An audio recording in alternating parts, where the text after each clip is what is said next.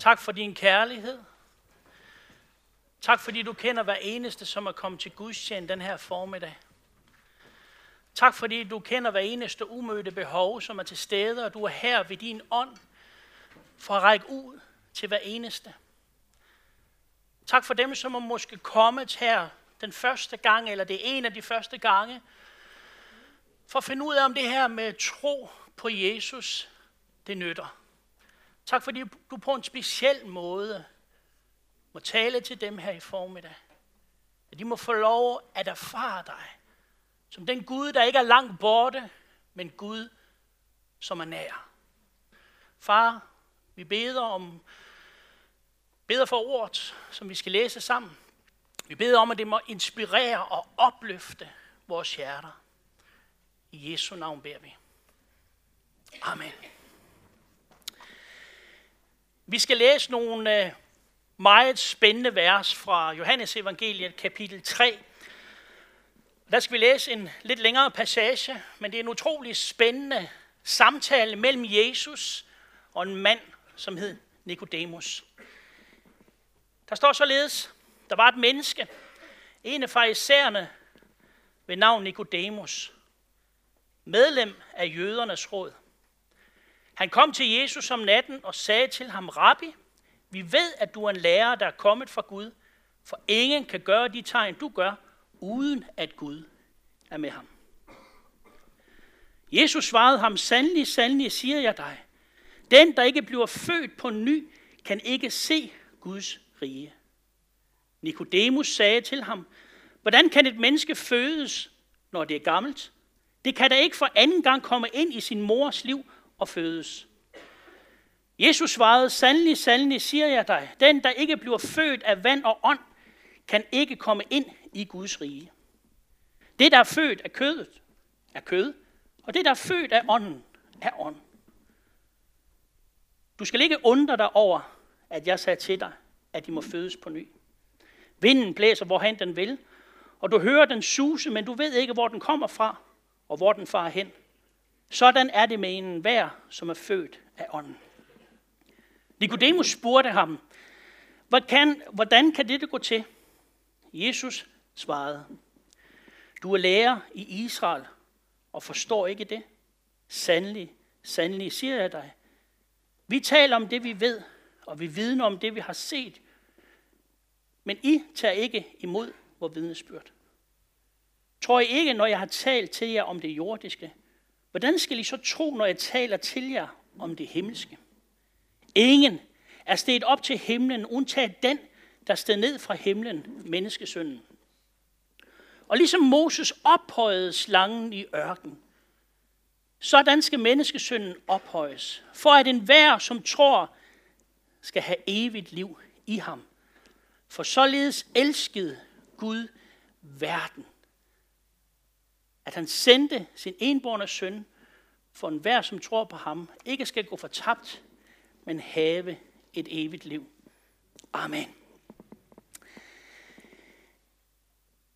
Titlen på min prædiken har jeg valgt at kalde Se op, tro og lev. Jeg vil gerne tale om den her oplevelse, som Jesus han øh, talte om i de her vers. Oplevelsen at blive født på ny. Jeg vil gerne besvare tre spørgsmål. Hvem er det for? Hvad sker der, når vi bliver det? Og hvordan kan det ske? Vi skal aldrig undervurdere den oplevelse at blive født på ny.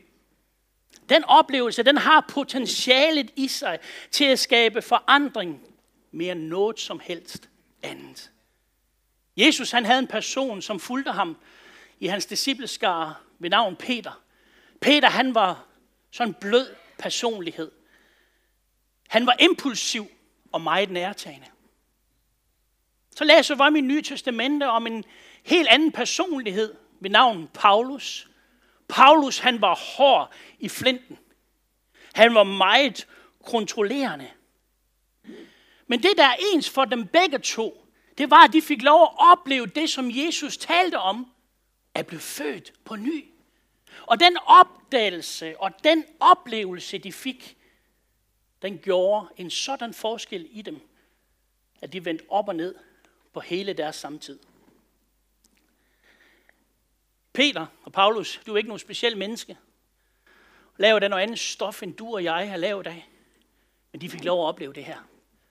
Så i formiddag vil jeg gerne tale om det her at være født på ny. Hvem er det egentlig til? Hvad sker der, når vi oplever det? Og hvordan, ikke mindst, får vi lov at opleve det? Hvem er det for? Ja, ganske enkelt. Det er for alle. I begyndelsen af 1800-tallet, der skrev den tyske filosof Ludwig Feuerbach, han skrev en bog, som hed Essensen i kristendommen. Bogen er en sønderlemmende kritik af den kristne tro. I den bog, der skrev han, at troen, det er kun for de svage, dem som ikke evner at leve livet selv. At religion og kristen tro, det er sådan en slags krykke for dem, der er svage. Den her tanke, den greb en mand ved navn Sigmund Freud. Han blev utrolig inspireret af Ludvigs Feuerbachs tanker. Det gjorde Charles Darwin også. Charles Darwin, som vi kender fra evolutionsteorien. Karl Marx blev også inspireret. Ham, som var inspirator til den her videnskabelige socialisme. Han blev inspireret af Feuerbachs tanker. Ikke bare ham, men også Friedrich Nietzsche. Alle sammen var enige om, at troen kun var for de svage.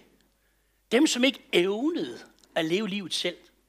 Og jeg vil godt allerede her fra starten sige, kristentroen er også for de svage, men det er absolut også for de stærke. Fordi den her personlighed, som Jesus taler med Nikodemus, han var en højt uddannet mand. Han var farisæer. Og på Jesu tid, der var der omkring 2.000 farisæer i Israel. Det var nogle af de skarpeste hjerner i landet. Du var med til at udvikle den, de her etiske regler, der gældte for jøderne overalt i verden. Og Nikodemus, han havde dedikeret sit liv til at overholde hver eneste af de her etiske regler. Han var super smart oveni, og en mand af meget høj moral. Og udover det, så var han også ganske velstående. Han havde alt, hvad penge kunne købe. Vi læser senere om Nikodemus i kapitel 19. Der læser vi om, at da Jesu læme blev taget ned umiddelbart efter hans, hans øh, korsfæstelse, så hører vi om Nikodemus igen. Og der hører vi om Nikodemus, han bragte så mange velduftende salver og salvede Jesu læme. Og det var særdeles mange penge, han spenderede på det. Det var en kongeværdigt. Så Nikodemus var en højt intelligent mand. Han var rig, men han var også mere end det. Han havde en offentlig anerkendelse. Han var medlem af jødernes Sanhedrin, som er jødernes højesteret. Det var 20 specielt uddannede jøder, som skulle dømme i forskellige sager. Så den her mand, Nikodemus, var absolut ikke svag. Men han gik med et umødt, umødt behov. Trods sin, intelligent, sin intelligens, trods det han var rig, så gik han rundt med nogle umødte behov. Der manglede noget i hans liv. Så han opsøger Jesus om natten. Og der kan være mange forklaringer på, hvorfor at det lige er om natten, Nikodemus han dukker op. Mange jøder og skriftlærte, de troede, at natten det var den bedste tid på dagen at studere loven. Fordi der var der nemlig ro. Det kunne godt være, at Jesus, som var en meget offentlig person, og de folk, de stemlede om ham hver eneste dag. Det kunne godt være, at natten den har givet ro så Nikodemus skulle opsøge og få en god samtale med Jesus. Andre siger, at han kom om natten, fordi han var en lille smule nervøs. for hvad alle andre de tænkte. Så han sneg sig lidt rundt om bygningerne der og opsøgte Jesus. Uanset om det var det ene eller det andet, så opsøgte han Jesus. Han havde et umødt behov. Og det kan godt være, at du er kommet i kirke måske første gang, eller du har været her nogle gange. Du har måske alt, hvad pengene kan købe. Det kan være, at du har en høj uddannelse, ligesom Nikodemus, men der er alligevel noget, når nu du lægger dig til at sove om natten, så er der noget umødt. Du mangler noget mere end alt det, som du har på nøjagtig samme måde som Nikodemus. Så vil jeg sige til dig, du er kommet på det rette sted i formiddag. Ligesom Nikodemus han opsøgte Jesus, så kan han gøre noget helt nyt for dig i formiddag. Jesus han siger til den her lærte mand, sandelig, sandelig siger jeg dig, den der ikke bliver født på ny, kan ikke se Guds rige. Spørgsmål nummer to. For det første var, hvem er det for? Det er for alle mennesker. Uanset hvilken status man har, uanset hvor i livet man er. Det at blive født på ny, det er for alle. Men hvad sker der, når et menneske får lov at opleve det her? Jo, det står meget klart med den metafor, Jesus bruger om det at fødes. Så betyder en nyfødsel, at der videregives noget nyt liv. At være født på ny vil sige, at der er noget guddommeligt, overnaturligt liv, der indplantes i dig. Da Nicodemus hører de her ord, født på ny, så blev han virkelig rundtosset. Og jeg kunne forestille mig, at han har tænkt, Jesus, nu må du lige vente et øjeblik. Jeg er gammel, og min mor, hun er endnu ældre. Ah, Jesus. Jeg kunne forestille mig, ja det ved jeg ikke, det var før tiden med mobiltelefoner. På forestil Nicodemus, han har ringet hjem til sin mor. Mor, der er lige noget, vi skal have snakket om. Jeg har mødt en mand, der hedder Jesus. Han siger, at jeg skal fødes på ny. Lad lige være med at sige noget til far. Altså, det har været, det har været mærkeligt at høre. Underligt at høre, at man skulle fødes på ny. Og Jesus, han ser, at Nicodemus, han er godt rundtosset. Og så fortæller han Jesus, at det, der er født af kød, er kød. Og det, der er født af ånd, er ånd. Og jeg elsker den her oversættelse. Det er fra det er de samme vers her, men bare fra en engelsk oversættelse. Der står således, Jesus siger, Nikodemus, når du ser på en baby, er det netop det. Det er en krop, du kan se og røre ved. Men den person, der tager form indeni, dannes af noget, du ikke kan se og røre ved. Ånden. Vi bliver gjort levende åndeligt. Så Jesus siger til Nikodemus, Nikodemus, du behøver sikkert være rundtosset. Det handler ikke om sådan rent fysisk, at du skal ind i din mors mave igen. Det er noget åndeligt. Det er noget, der tager sted på indersiden af dig. Det er noget åndeligt.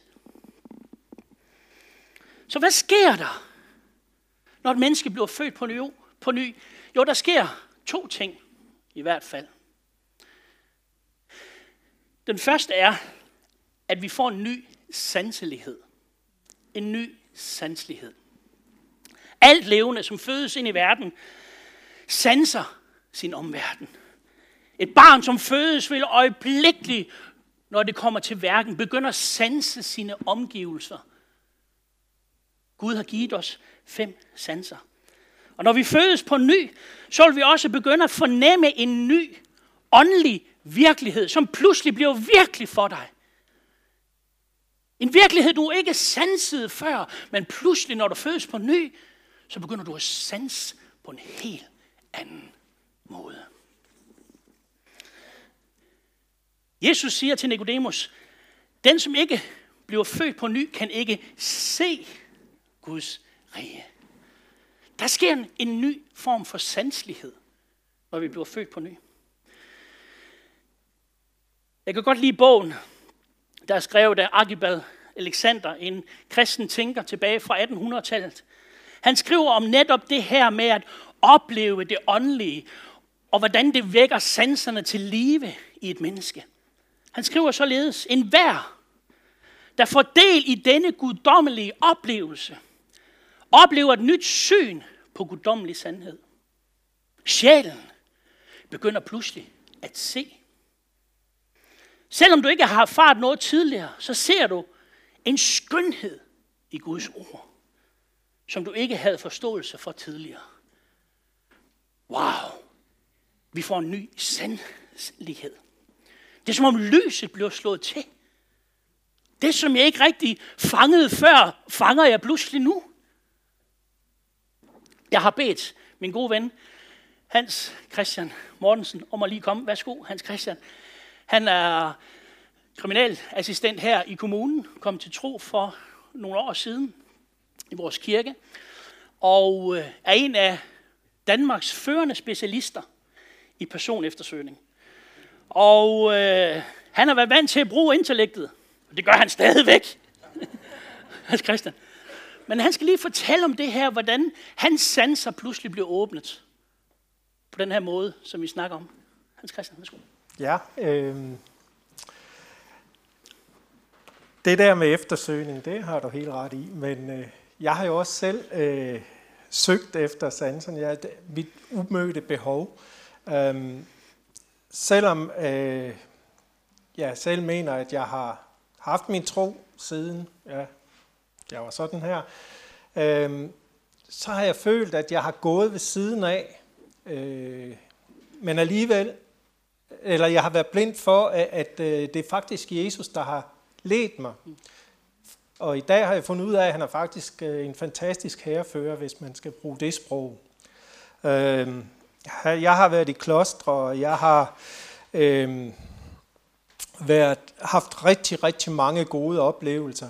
Øh, men har været blind for at se Jesus og se troen øh, som det, den er. Øh, og det kom faktisk først her i øh, 2008, da jeg mødte min hustru. Og symbolsk nok, så var det i et vejkryds, hvis man overfører det til korset. Og på Majavej, hvor Pinsekirken lå, eller ligger.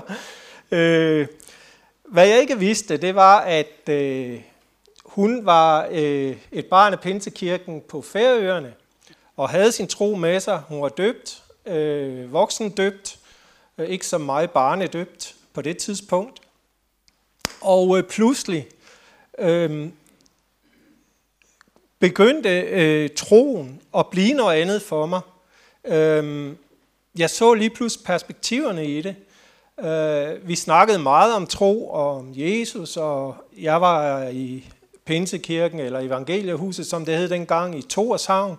Og, og øh, det var en helt fantastisk følelse, jeg fik den første gang, jeg kom der. Det var øh, som at blive indlemmet i en familie, en ny familie, som vi har talt om her tidligere i dag. Øh, jeg har sjældent mødt så hjertelige mennesker. Øh, så det vagte øh, sådan set øh, min øh, interesse, og, og så gik tiden.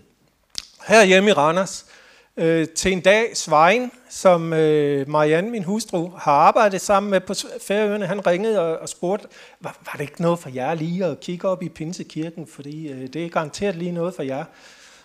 Og hvad han ikke vidste, det var, at vi havde snakket om at besøge Pinsekirken, men øh, ah, ah man, man går da ikke bare lige ind i Pinsekirken og så og siger, hej, hej, hej med jer, øh, må vi komme her? Nej, øh, så, så det var sådan lidt, øh, vi, vi, vi snakkede lidt om det. Men det endte jo med, at, at øh, vi tog beslutningen og mødte op en søndag formiddag. Og wow, lige pludselig så, altså, vi var ukendte, men alligevel så stod folk med åbne arme. Det var så fedt. Det var en fed oplevelse. Øhm, og, og vi begyndte at komme der øh, regelmæssigt. Øh, og jeg begyndte at have mange samtaler med Rune. Og øh, til sidst, så, så var det bare som om, der var noget, der sagde mig. Du skal mere end det her. Du skal bekende din kristne tro. Før i tiden havde jeg ikke turde at sige, at jeg er kristen, og jeg tror på Jesus. Og det, det turde jeg ikke, fordi jeg har altid fået det modsatte tilbage. Ja, det er også noget løgn. Det er bare en historie. Ja, det er en historie. Det er en god historie. Bibelen er en historie. Men det er en historie om Jesu gerninger og øh, noget, der vi kan bruge i hverdagen. Øhm, pludselig en dag, så øh, sagde jeg, nu skal det være. Som lyn fra en klar himmel, bad Rune om samtale. Jeg sagde, Rune, jeg vil øh, døbes. Og jeg tror nok, Rune blev lidt overrasket. Øh, men jeg var standfast. Jeg ville døbes. Jeg vil bekende min kristne tro over for mig selv, over for menigheden og over for Jesus. Så jeg valgte at blive døbt. Øh, jeg tænkte ikke lige over, jamen forandrer det der? For, nej, det er måske ikke, måske. Øh, men, øh, og det, det kom ikke på en dag, efter jeg var blevet døbt. Men lige så langsomt, sådan ligesom en blomst, der spiger, en blomst, der folder sig ud, så kom det bare. Lige pludselig kunne jeg forstå Bibelen meget bedre. Og øh, det der med at, at tale om, om øh, Jesus, var ikke mere, det var ikke længere sådan en, øh, et tabuemne. Mine kammerater, der ikke, øh, som jeg ikke vil betegne som rigtige kristne, men kun dem, der kommer i kirken til højtider, de kiggede mærkeligt på mig. Men jeg stod fast, og jeg sagde, jamen det er min tro. Og det var lige før jeg var ved at sige, det er synd for jer, I ikke har den samme tro. Øhm, og, og den der frimodighed, man får, er helt fantastisk. Her i november måned var jeg, øhm, var jeg indlagt i en måneds tid, hvor jeg en aften sidder ved kaffebordet med øh, en muslim, en øh, kvindelig muslim, og øh, jeg kan ikke lige huske, hvordan vi kom ind på emnet, men øh, hun spørger lige pludselig, hvordan kan det være, at I har, I har tre guder? Vi har jo kun én. Så siger jeg, har vi tre guder, siger jeg så. Ah, jo, jo, I har et Gud, og I har Jesus, og I har Helligånden. Og normalt, når jeg skal forklare noget, så, så plejer jeg at skulle forberede mig. Men øh, det kom bare. Lige pludselig, så sad, sad jeg og tegnede og fortalte. Og det blev til meget mere. Altså, vi, jeg ved ikke, hvor lang tid der gik, men altså, udover at forklare om, om treenigheden, så blev det til meget mere. Hvor kom det fra? Det kom bare. Puh, det var helt vildt. Og jeg håber, at jeg har sået et, et, et kim, et, et lille frø i hende, om hvor god Jesus er. Det var helt fantastisk. Og det er på den måde, at, at øh, det at blive døbt er måske kun symbolsk. Men nej, det giver en en masse. Det det åbner en hel masse. Ja. Amen. Amen. Giv Hans Christian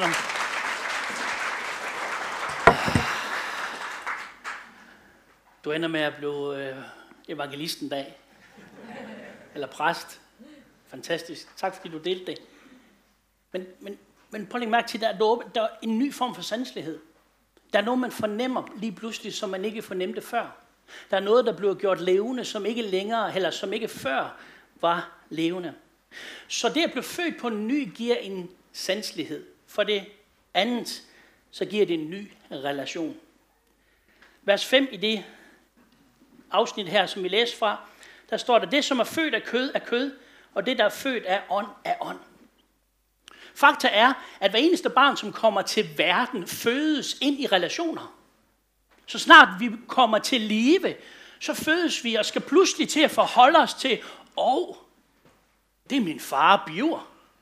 Og oh, det er min mor Ruth. Og det er min storebror. Ikke? På det samme måde er det faktisk, når du bliver født på ny, rent åndelig, så skal du også, du fødes også ind i en relation her. Gud bliver lige pludselig din far. Og det skriver Johannes om lidt tidligere i hans evangelie her. Der siger han, alle dem, som kom til tro på Jesus, gav han magt til at blive Guds børn. Så det vil sige, når vi bliver født på ny, så bliver vi født ind i en relation. Gud bliver lige pludselig vores himmelske far. Nu skal vi lære at forholde os til den virkelighed. Og det er derfor, det er fantastisk, at kirken her i morgen kan tilbyde alfa, som er et grundkursus i den kristne tro, hvor vi ligesom går de her doktriner igennem. Hvem er Gud egentlig? Hvem er Jesus? Fordi pludselig så åbnes der noget helt nyt op. Der er lige pludselig nogen, man skal forholde sig til på en anden måde. Så hvis ikke du har tilmeldt dig alfa og har lyst til, og så kan du gøre det umiddelbart efter gudstjenesten. Det var lige en lille reklame. Håber det var ok. Okay, godt. Det sidste, jeg skal sige om, jeg tale lidt om her i formiddag, det er, hvordan sker den her nyfødsel rent åndeligt? Jo, teknisk set, så kan du ikke gøre noget som helst. Men hvordan sker det? Det var også det, der var spørgsmål for Nikodemus. Hvordan kan det ske? Og hvis nogen har spurgt mig op igennem årene her, hvordan bliver man en kristen? Hvordan bliver man født på ny? Sådan som Jesus taler om. Hvordan modtager jeg et nyt liv fra Gud? Hvordan oplever jeg den her nye sanselighed, som du snakker om? Hvordan oplever jeg at fordele i den her nye relation med Gud? Jo, så har svaret været, se op og tro. Se op og tro. Resten, det er Guds arbejde. Jesus, han bruger en fascinerende historie i den her samtale med Nikodemus. Når Nikodemus siger, hvordan kan det ske? Så siger han det her i vers 14.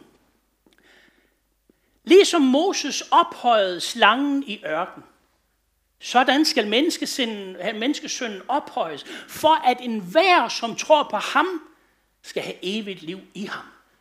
Så Jesus, han minder Nikodemus, som var farisæer. Nikodemus, som en del af det at være farisæer, så skulle man kunne citere de fem Mosebøger uden af. Så Nikodemus, han kendte godt den her beretning. Og den beretning, den lyder ganske enkelt således, at på et tidspunkt, så var jøderne, så gik de ud i ørkenen. Og for at gå en lang historie kort, så oplever de at blive slangebit, rigtig mange af dem. Og mange af dem blev dødeligt syge, og mange gik hen og døde. Så Moses, han så folket kommer til Moses og siger, Moses, du må gå i forbøn for folket. De lider af de her slangebid. Og Moses han går i forbøn hos Gud. Og Gud siger til ham, Moses, du skal finde en koverstang. Og så skal du lave en slange af kover. Når du så løfter den op, og folk ser op, så skal de beholde livet. Og prøv at forestille dig, det var lige nuagtigt, hvad der skete. De her mennesker, som var dødeligt syge af feber og andre ting, de kunne ikke røre en finger, men de kunne gøre én ting. Det var at se op. Og når de gjorde det, så levede de. Her er hvordan en hver jødisk rabbiner har tolket lige nuagtigt det skriftsted i tusindvis af år. Og jeg citerer. Det var ikke slangen, som gav liv. Så længe Moses løftede slangen op, så troede de på ham, som havde befalet Moses at gøre det. Det var Gud, som helbredte dem. Den helbredende kraft lå ikke i kommerslangen. Det var bare et symbol, der fik deres opmærksomhed rettet imod Gud. Og da de gjorde det, så blev de helbredt. Amen. Så de her mennesker, der bare så op, de oplevede et guddommeligt indgreb. Og på en mirakuløs måde, så bevarede de livet.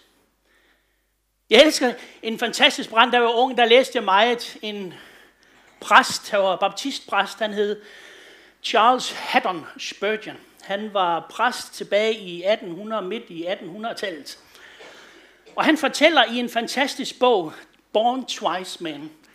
Her fortæller han om, hvordan han selv kom til tro som ung. En kold, kold vinternat, så gik han igennem stræderne i Londons midtby. Og der finder han en presbyteriansk kirke. Han går ind, og der er nogle ganske få forsamlet. Grundet den meget sne, der var det år, så nåede præsten ikke frem. Så de har sat en lægemand til at forkynde.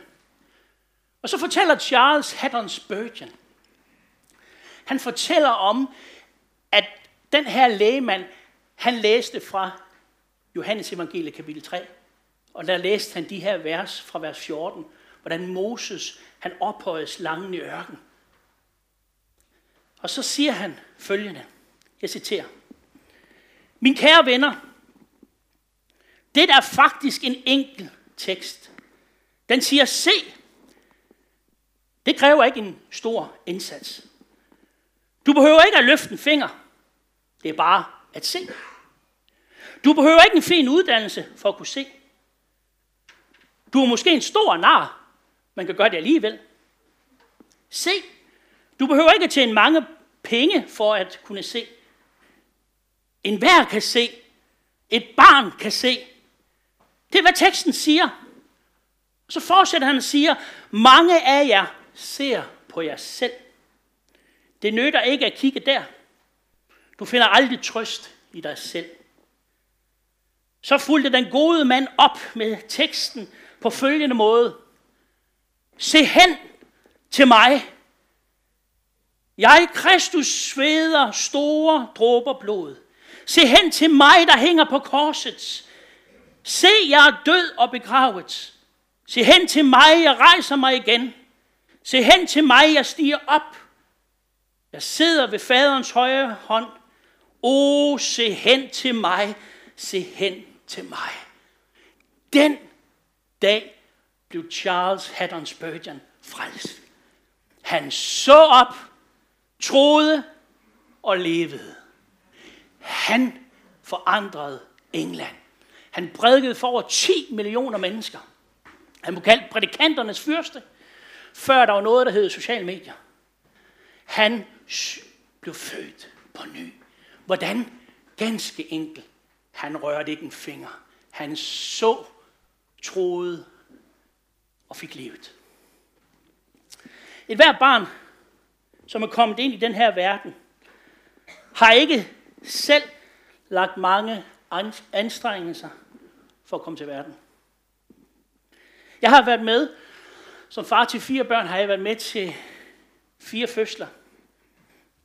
Jeg var med, men det var ikke mig, der gjorde arbejdet. Det kan jeg godt sige.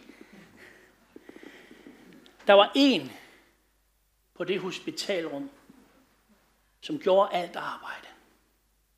Udholdt al smerte, al lidelse og al anstrengelse. Og ned igennem historien, så har fødslen faktisk været en utrolig farlig ting, som mange gange har været på bekostning af moderens eget liv. Ned igennem historien, så fandt der ikke smertelindrende behandling eller dupendusblokade, som det vist nok hedder. Der er en jordmorstuderende herover. Alle, som tænker, hvad i verden er det for noget? I kan spørge en eller anden fødende kvinde, der har fået fødebørn, og spørge, hvad det er øh, bagefter gudstjenesten her. Det skal vi ikke gå mere ind i. Men der var en på det hospitalrum, der led. Og med den tanke her, med fødsel, så skriver apostlen Johannes således i kapitel 16. Når kvinden skal føde, så har hun det svært. Fordi hendes time er kommet. Men når hun, når hun nu har født sit barn, så husker hun ikke mere på sine trængsler at glæde over, at et menneske er født til verden. Jo, hvad er det, Johannes han siger her? Han sammenligner Jesus med en fødende kvinde. At vi bliver født på ny, og det er Jesus Kristus, der lægger kraften i det. Det er ham, som lider. Det er ham, som anstrenger os. Vi skal ikke foretage os noget som helst. Og når han ser os komme til live, så glæder han over os, at vi får livet, men at han igennem hans død. Det er derfor, Jesus siger, at vi må fødes på ny. Ingen baby kommer til verden af egen kraft.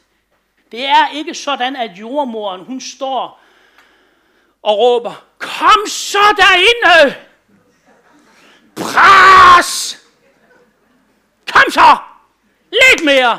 Nej, det gør jordmoren ikke. Det er kvinden, som gør al indsatsen. Kristus har gjort alt for dig og mig, for at vi kunne blive født på ny. Han har lidt, for at vi kunne få livet. Så når Jesus siger, at vi må fødes på ny, så er det ikke noget fysisk, så er det noget åndeligt. Som bliver virkelig for os. At vi begynder, når vi oplever det her, så er der ny sanselighed, vi får. Vi får en ny relation. Og det sker ikke ved, at vi anstrenger os. Bibelen siger således, at noget er i frelst ved tro. Vi skal ikke løfte en finger. Vi skal bare se op og tro.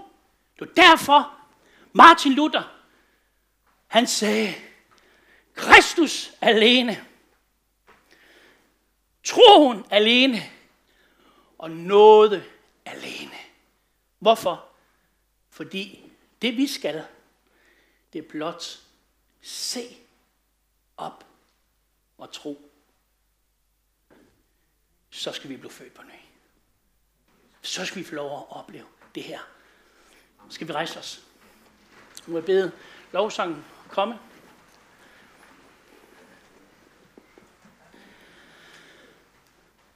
Hvis du er kommet i kirke i formiddag, det er måske en af de første gange, eller du har været her i nogle uger og tænker, wow, det her med Gud, det ønsker jeg. Du har måske hørt Hans Christians vidnesbyrd og tænkt, wow, jeg kunne godt tænke mig at få lov at opleve det samme, som han fik lov at opleve. Mit liv er helt anderledes, så det er en helt anden oplevelse, du vil få. Men jeg kunne godt tænke mig, at det her blev virkelig for mig.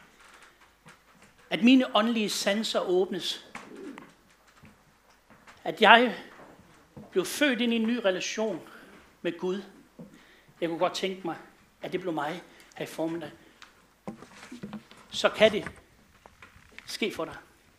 Bibelen siger således, for hvis du med din mund bekender, at Jesus er Herre, og i dit hjerte tror, at Gud har oprejst ham fra de døde, så skal du frelses. For med hjertet tror man til retfærdighed, med munden bekender man til frelse. Sagt på en anden måde. Se hen til Jesus hængende på korset. Tro, og du skal få lov at opleve livet. Så lad os bekende den tro med vores mund over alt i salen i formiddag. Og lad os bede en kollektiv bøn. Den står på skærmen her. Og lad bede bare bønnen. Og lad den komme fra dybet af dit hjerte. Så det bliver en personlig bøn til Gud fra dig. Kære Jesus, tak fordi du har skabt mig og elsker mig. Selvom jeg har valgt at gå min egen vej. Jeg erkender nu, at jeg behøver dig i mit liv, og jeg beder dig om at tilgive mig. Tak, fordi du døde på korset for min skyld. Jeg ønsker at følge dig. Kom ind i mit liv og gør mig til et nyt menneske.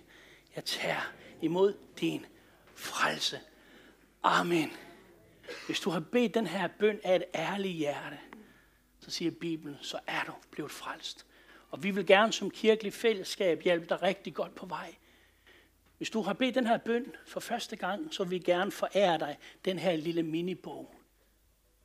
Han gjorde det for dig. Den handler om Jesus.